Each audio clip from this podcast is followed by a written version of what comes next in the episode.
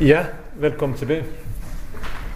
Uh, og nu skal man uh, stille spørgsmål og kommentere. Og hvad ellers mere? Jeg forventer, at det bliver jer, der, der spørger, men jeg kan også spørge, hvis, hvis der ikke kommer spørgsmål fra publikum. uh, Knud, er det dig, der styrer?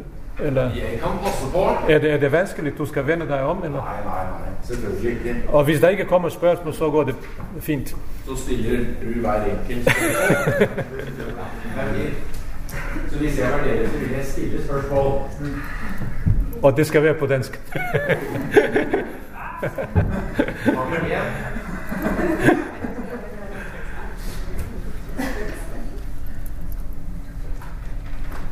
Ja. Vær så god. Ja, det kan hende at det er så misforstått, men jeg har en oppfatning av at Koranen eh, har særlig mange motsetninger i seg i forhold til f.eks. Eh, Bibelen. Eh, og så har Koranen det, og så hvis den har det, hvordan ser man på det? Øh, svaret er ja, der er modsætninger i Koranen. Eh, øh, det sidste, det kan jeg ikke så meget, men der skal også være nogle modsætninger i Bibelen. ja. Øh, men det er ikke problemet, fordi Bibelen opfattes ikke som en øh, øh, homogen tekst, som har én forfatter. Om det er Gud eller mennesket lige meget. Hvorimod Koranen opfattes som en homogen tekst, hvis endelige autor, forfatter er Gud. Og så stiller man det spørgsmål, hvordan kan Gud modsige sig selv? Kan han det? Nogle mener, nej, Gud kan ikke modsige sig selv. Det må være noget sprogligt. Vi må prøve at forstå, om det alligevel betyder det samme, men forskellige eh? udtryk. Men der er andre fortolker, som siger, det giver jo mening. Og så har man et begreb som abrogation, hvor man annullerer en øh, statement med noget nyt. Og det er ud fra selve Koranen. Hvor den Gud, der taler i Koranen, siger, vi ændrer noget, vi har omvaret. Og det er for eksempel et, et eksempel på det er alkohol. Oprindeligt tilladt. Den første ombaring siger, der ligger noget godt i alkohol, men også noget ånd. Men det ånd er større, har større potentiale. Dette siger intet hverken om forbud eller det er bare en deskriptiv. Næste åbenbaring øh, siger, kom ikke til bøn, men du er beruset. Dette indikerer, at alkoholindtagelse må være legitim, men du kan ikke bede til Gud, når du er fuld. Og så kommer den tredje og siger, alkohol er forbudt på samme måde som hazardspil. Er det ikke en modsætning? Alkohol er tilladt og, og forbudt. Ja, det er en motsetning. Øh, ja, direkte eller indirekte, men det er et eksempel på i hvert fald, hvor man ifølge en fortolkning annullerer det tidlige. Men der er også en hermeneutik, som siger, det er ikke nødvendigvis en absolut annullering, men det er en gradvis fortolkning. Og du finder jo muslimer, som siger, musik er også forbudt. Andre siger, ja, forbudt, men for hvem? Det er, på, det er på samme måde med alkohol. Forbudt for dem, som kan blive skadet af det. Der er et spørgsmål, som er, som, som er, som er relevant. Øh, Gud selv præsenterer, eller for, øh, ja, præsenterer sig selv med, med, med, med beskrivelser, som er i strid med hinanden. For siger Gud er det, den ydre og den indre. Er Gud ind i mennesket, eller, eller ud i, i, i, i kosmos? Gud er den straffende og den tilgivende, så det er modsætningspar. Den hårde og den milde. Ja. Men eh, har du eh, Eller hvorfor altså, Har muslimene noe sånn syn på hvorfor Gud har valgt å eh, skrive Koranen på den måten og gjøre den så vanskelig å fortolke? Uh. det første, man skal tænke på, det er en lang proces. 7-3 år. Og den proces afspejler en historie. Det er ikke en bog, der er blevet sendt. Den proces beskriver den historie. Og der er elementer i historien, hvor der var ja, vidt forskellige øh, fred og konflikt. Og i den proces, når man, når man læser, der sker en udvikling. Nogle eksegeter siger, at Gud har været pædagogisk. Først i forhold til Mohammed, fordi det var en kæmpe udfordring for selve Mohammed at forstå. Det er en fænomen. Han, han modtog en ombaring, og så blev han bange. Han mente ikke, at det er Gud. Han gik hjemme, og så gik det tre år, inden han hørte noget som helst. Han var ikke parat til at tage imod.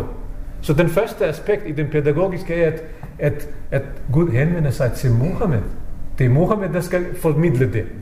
Med hans intellektuelle øh, kapacitet. Og det næste eh, element i den pædagogik er, er det samfund. Og så en af dem, jeg har nævnt, øh, øh, Øh, beskæftiger sig specielt med, med, med øh, den koranske pædagogik. At man fører øh, øh, udvikling med en bestemt pædagogisk mål. Og det er jo, det er jo i, i sig selv en interessant proces. Og i denne proces opstår der ting, som er i strid med hinanden. Nogle vil sige på det ydre, andre vil sige legitim også på, på, på det substantielle plan, men det er ikke fordi, jeg Gud mener forskellige ting, men i forskellige kontekster siger man forskellige ting. En god forklaring. Er den god? Ja. Den kan bruges. tak. Et lite oppfølgingsspørsmål til det. Dere husker kanskje at Svein Åge Kristoffersen sa om Bibelen at den ikke eksisterer? Husker du det? Ja. Så var det liksom ment med noen spissformulering, fordi at det liksom detter ikke ned. Og vi har litt av den samme type prosess her. Altså Koranen eksisterer ikke fra åpenbaringen er gitt. Så den blir til. Du må stille et spørsmål til deg om det går an å sammenligne det. Ja, ja. til eh, gjennom en prosess over eh, et par tiår før den finner sin endelige form. Det er rigtigt. Men du, så ut som du ristet på hodet og knaket i sammenfølgingene. Nej, jeg, jeg beklager, jeg nævnte, jeg nævnte den himmelske Koran, Ja, som eksisterer før den er givet. ok. det var derfor. Det, det er en teologisk forklaring. Jamen, det, er lo- det, du har ganske øh, ret i det, at Koranen som hellig skrift eksisterer ikke, før den er blevet givet. Riktig. Ja, og det er det, vi snakker om. Ja. Vi snakker ikke om ideen, Koranen som en idé, der eksisterer hos Gud. Nei. Det er noget andet. For det er også, stiller også spørsmål hvem er forfatter? Av, Du stiller spørgsmål. jeg stiller spørsmål til deg. Det er Øh. det samme vi har når det gjelder Bibelen. Nej, det, det foregik på samme måde. Det var ikke nogen mennesker, der sagde, "Nå, nu skal vi fortælle, hvordan det gik med åbenbaringen.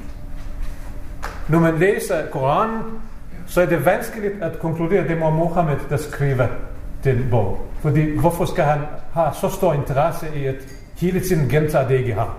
Ja. Og så er det de forskellige stemmer. Ja. Det er jo lidt vanskeligt at se, at Koranen har et flertalsform, så siger vi. Vi, og så kan man sige, hvem, hvem er vi? Gud og nogle andre. Ja, så der er flere.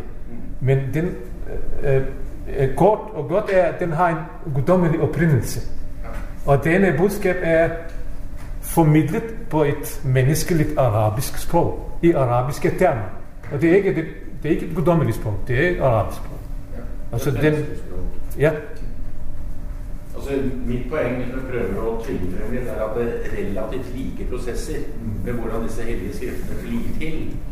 det er en, Som gir også det rommet som han spør om, altså hvordan, hvordan løser man f.eks. motsetninger og sånne type ting. I tekstene har jo å gjøre med hvordan de blir lest og tolket ja, i det, ulike typer sammenhenger. præcis. Ja. I første omgang en Ja. sprogliggørelse Ja. af budskab, Ja. og i en anden omgang en fortolkning. Nettopp. Kan, kan vi sige det sådan? Ja, Så er vi enige. Ja, Hørtes det ordentlig ut? det er vel stoppet det. Ja. Vær så god. Um, hva gjør man hvis ok, fordi Det er jo ha flere Eh, ikke før det er 58. Ok. Ikke la meg ligge der og Ok, la oss si at det finnes en muslimsk mann som bor i et annet land, og så har han flere koner, og så skal så, får, så prøver de å flytte til Norge, og så får de oppholdstillatelse. Hvordan velger han hvilken kone han skal ha med seg? Men han vet ikke jeg mener det. Altså, er det noe sånn prioritering, eller hvordan fungerer det? En muslimsk mand, hvor en anden lande ønsker at flytte til Norge, bare for at være sikker, at jeg har forstået. Han har flere koner, og han ønsker alle sammen med til Norge, Ja. Ja. og loven tillader ikke. I Norge er det ikke lov med polygami, så jeg bare lurer på hvordan, ja, hvordan velger han hvem man skal ha med? Og hvad, hvad er spørgsmålet? Hvordan velger han den ene han skal ha med? Hvordan kan jeg vide? Vi regner med at det er sånt.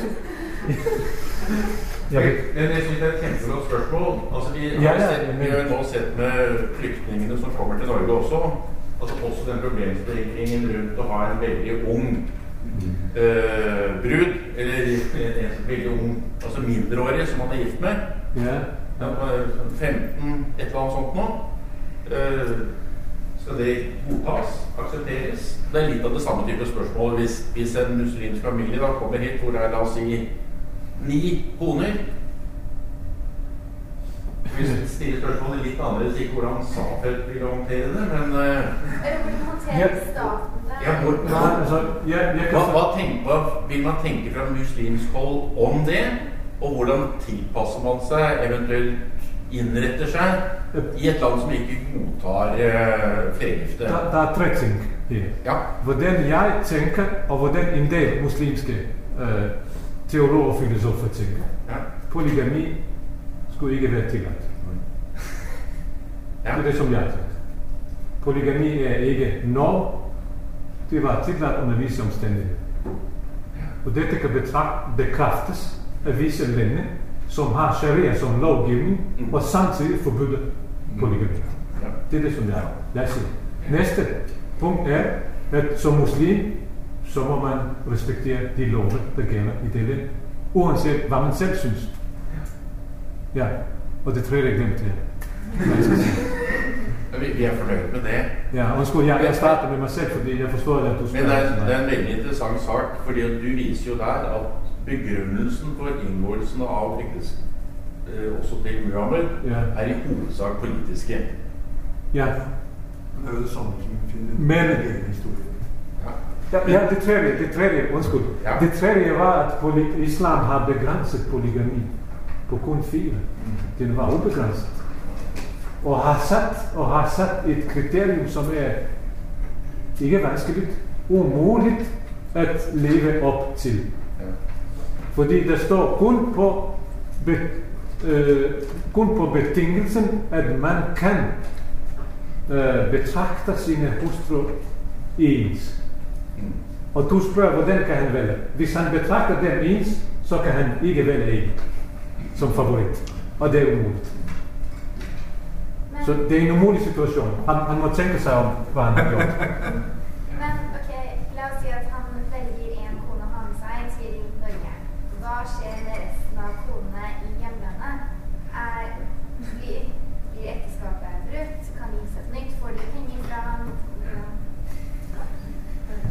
Altså, vi, her, vi, vi er ute etter klare svar. Vær så god. Jeg ved ikke. Er det klart nok? Mm? Jeg ved ikke. Jeg vet ikke. Men Det- det går ikke an å tenke seg en situasjon der han tar med seg alle sammen, men er juridisk gift med ei liksom, etter norske lover. Ja. Så man kan manipulere. Altså, Ja. Formelt. Eh, For det er en ting å være på en måte gift. Ja, ja, ja, ja, ja, ja. Jeg kender den der øh, vigtighedsagtige muslimske bemærkning til øh, seksuel frihed i Vesten og polygami, Ja. hvor man siger, i Vesten, I har en øh, øh, succesfuld eller polygami, og vi har en simultan polygami. Mm.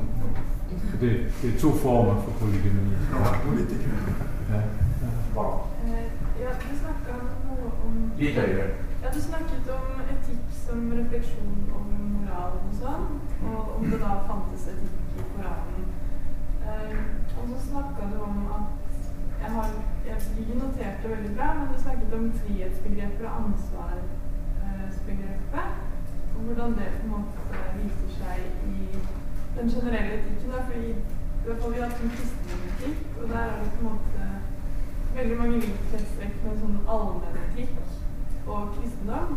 Er det mye sånn i den islamske etikken også, at det skiller på egentlig Men da, med tanke på det der at det ikke er sa, sa du at det ikke var frihetsbegreper og ansvarsbegreper i Koranen som Mm. Mm. for moral? Er det, det er litt vanskelig å stille mange spørsmål, men Ja, ja det, det er et meget relevant spørgsmål, men øh, flere aspekter. ja. Første, der er øh, en parallel i islam og den kristne ja, vestlige verden mellem det religiøse og det andet menneskelige. Koranen selv har hele tiden en, øh, ja, en, en slags balance mellem det andet menneskelige, hvor man henvender sig til menneskeheden som sådan, og så til muslimer, hvor man pointerer det almindelige og det, og det religiøse.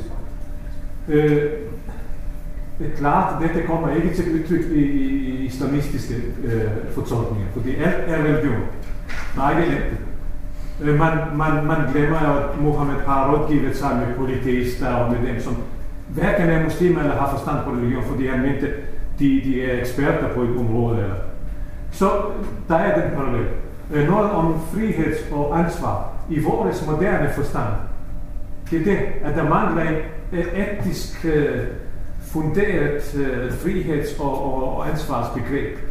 Det er jo den religiøse. Teologisk set er der et frihedsbegreb. Fordi altså, det er helt grundlæggende. Øh, øh, Gud spørger øh, menneskers sjæle, og det er øh, skabelse for, øh, fortælling, om de vil tage imod øh, opgave at vidne for Gud. Vidnesbyrd, det er islam. Frit. Og så svarer de, ja, det vil vi gøre. Og dette betragtes som, som et frit valg. Det Og det er det, der giver mening. Man kan være muslim kun hvis man har valgt frit. Og det, er- det er den betingelse, som Gud har uh, sagt. Så der er en frihed, men om man har udviklet dette begreb på mm, de mellemmenneskelige relationer, og man har ansvar for, for det, der sker i Oslo, ansvar for miljøet, for, de, man har ikke etableret en etisk, øh, systematisk lære. Altså muslimerne har faktisk meget lidt skrevet om etik. Meget lidt. Og det er i den forbindelse øh, Fakri, som er en af de få, der har skrevet bøger, siger, at vi har ikke udviklet øh, de to kernebegreber, frihed og ansvar, i den etiske kontekst. Så det er det, der mangler. Fordi de, de står ikke i en udviklet form i Koranen. Vi tager direkte det, der står øh, udformet. Og når det ikke er udformet, så, så gør man ikke noget. Det er det. Øh, der er et spørgsmål her, Knud. Hvad Foretar hvad skal vi? Jeg mer nå. Ja. Det, det, også sammenlignet med det vi har hatt om kristendom, så leser jeg Safet også sånn at det finnes også en slik allmennetikk. Og I pensum så finner dere det veldig godt beskrevet av den naturrettsartikkelen som er skrevet av øh, det er fra Handel. Nei, øh, den er en sånn online-artikkel. Hvis jeg leser den, så baser, er den en, en sånn eh, øh, naturrettsbasert, altså fornuftsbasert tenkning om islamsk etikk, som er basert på fornuften. På samme måte som den allmenne etikken.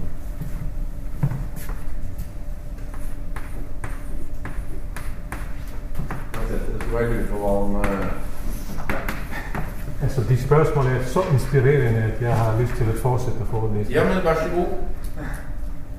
Abenor. Vidar. Ja. Han har også skrevet et brev til den muslimske verden. Meget kendt, den finder I på nettet. Mm. Det er en fransk-marokkansk filosof. Muslim. Du spørger, om der findes en almen menneskelig etik. Han siger, der findes en almen menneskelig postreligiøs islam. Islam er almen menneskelig. Og endnu mere radikalt.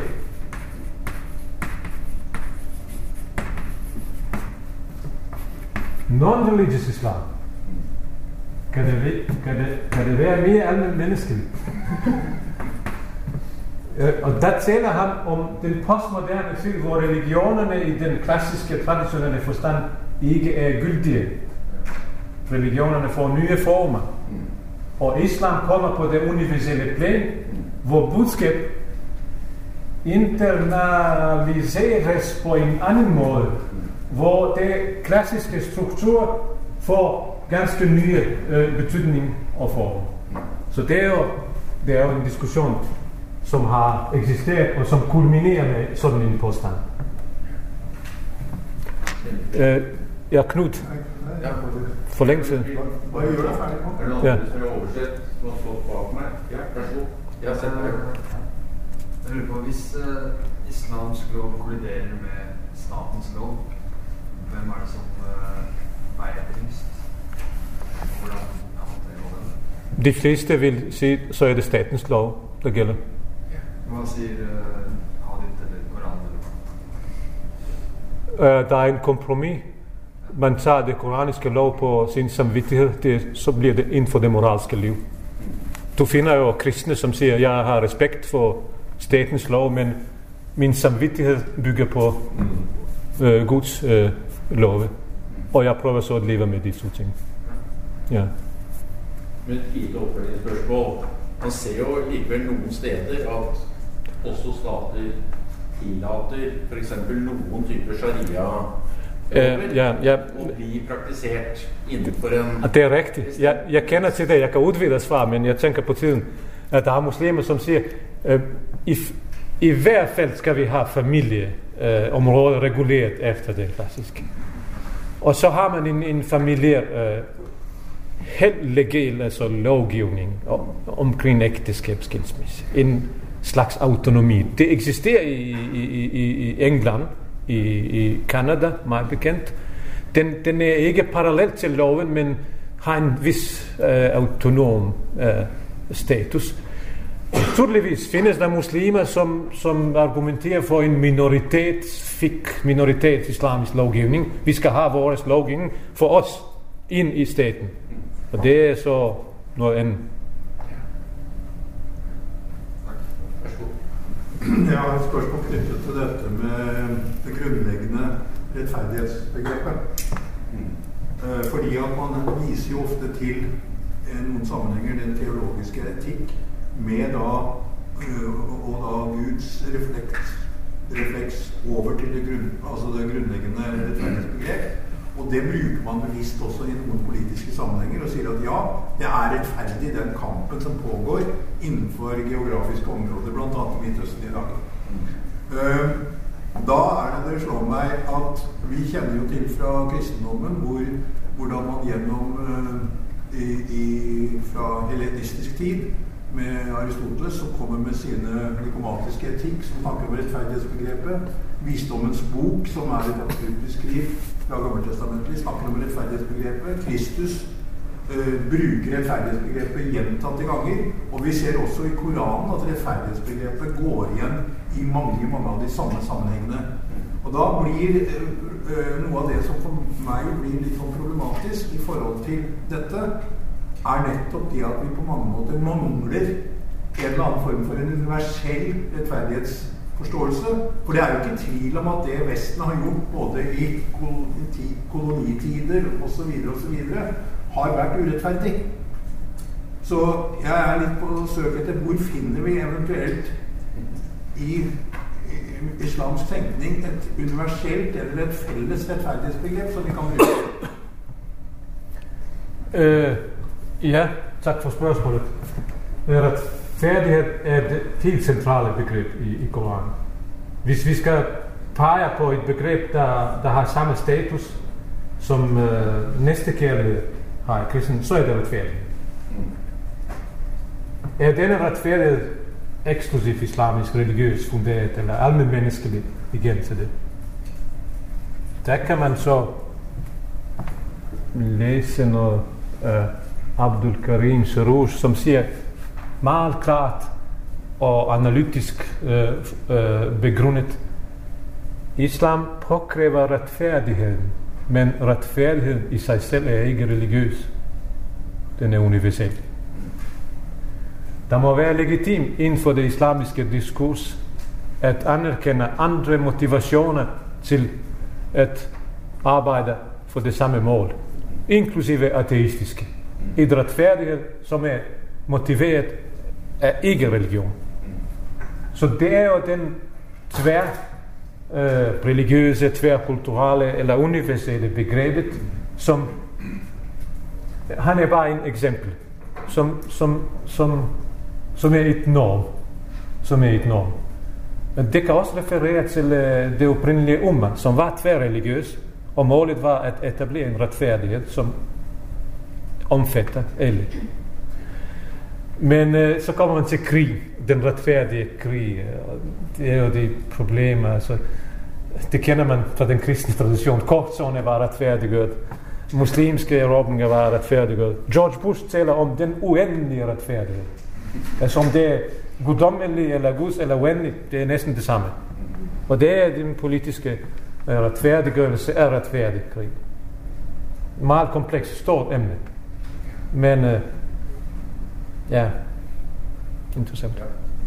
Tror vi kommer jo Nej, nej, jeg- Den der, eh, det er vil få viktig fram det. spørsmål. Vær så god. Ja, eh, du sier at som etiske vurderinger, sant? så tar mu- muslimer de tar liksom hensyn til en allmenn moral og eh, Koranen, eller fortolkningen av Koranen, og at de tenker selv, og de må følge loven.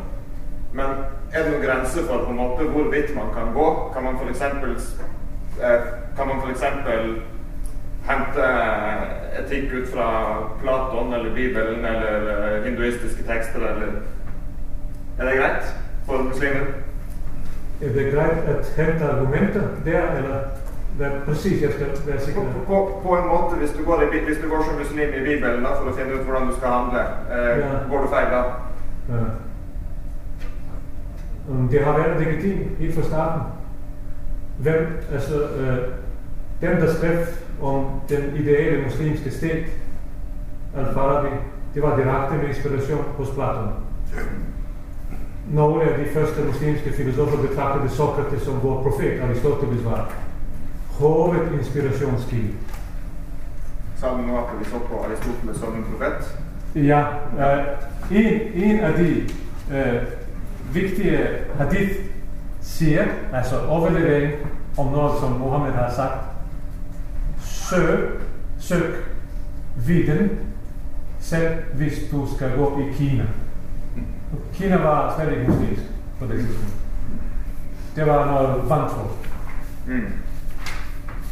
Så søg viden, som du kan bruge som muslim. Ja, hvor som helst. Ja, søg viden i Vesten, Ja. når de ikke vandrer i kristne. Så det må være endnu mere legitimt. Mm. Og det første punkt, ved du hvordan starter den første omvaring? Ikra, ikra, bismi, rabbike. Søg, øh, læs, udforsk. Mm. Og så svarer man, ja, jeg kan ikke. Mm. Ja, tre gange ikra, bismi. Læs i Guds navn. Læs i Guds navn. Søg viden. Mm. Og viden. Hvad er viden?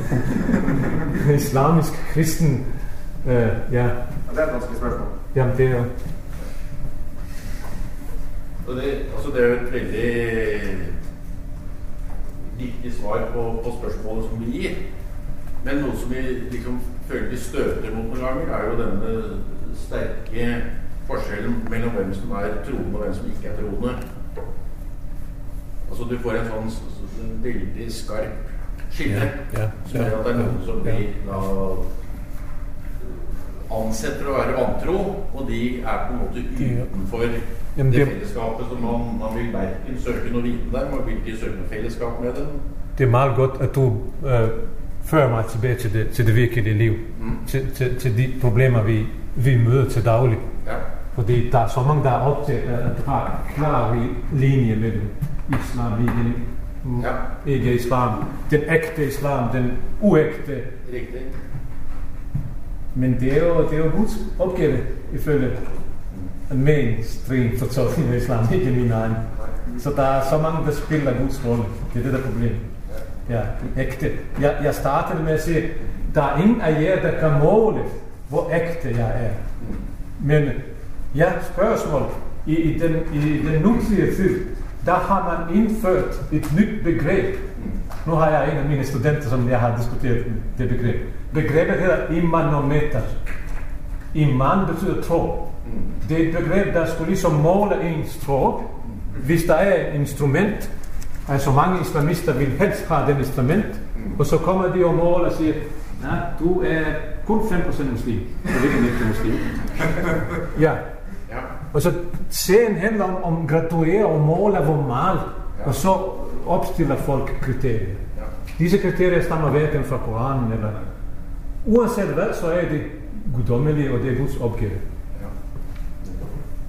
Men det er en del af realiteten. Jeg, jeg indrømmer, at det er en del af realiteten. Der er så mange, der, der, der, er, der har travlt med at drage de grænser. Og man må ikke spytte grænser. Det er altså som påberoper sig. Ja, ja. ja, ja. Det, det, det, der, de, der beskytter. Fordi når du har en grænse, så beskytter du dit område. Ja. Siste, vær så god. Eh, Ja, jeg bare går litt tilbake nå, men jeg tenker det er viktig å også påpeke at um, Muhammed også de- tok til seg da koner, ikke bare for politiske årsaker, men fordi at på den tiden så var det uh, mye kriger og konflikter. Og da mennene gikk ut i krig og eventuelt ble drept, så hadde da ikke kvinnene arbeid, og ikke de som drev med handel. Så uh, profeten tok til seg da disse jentene eller kvinnene for å kunne forsørge dem, fordi at det jeg er ikke sikker om det er riktig, men at det på en måte ikke regnes som fint at kvinnen skal gå tilbake til sine foreldre, foreldre og bli forsørget. Er det også en forklaring? tiden er udløbet for svar. ja, jeg er enig. Ja, jeg er enig. Jeg, jeg går. Jeg, jeg har en konference, jeg skal være der. Jeg har forpligtet mig. Jeg går. Er der en anden udvej? ja, tak for kommentaren. Altså, ja, ja. Enig, fuldstændig. Skal vi slutte? Da slutter vi. Ja, tak for i dag. Tak for i dag. Tak for i dag.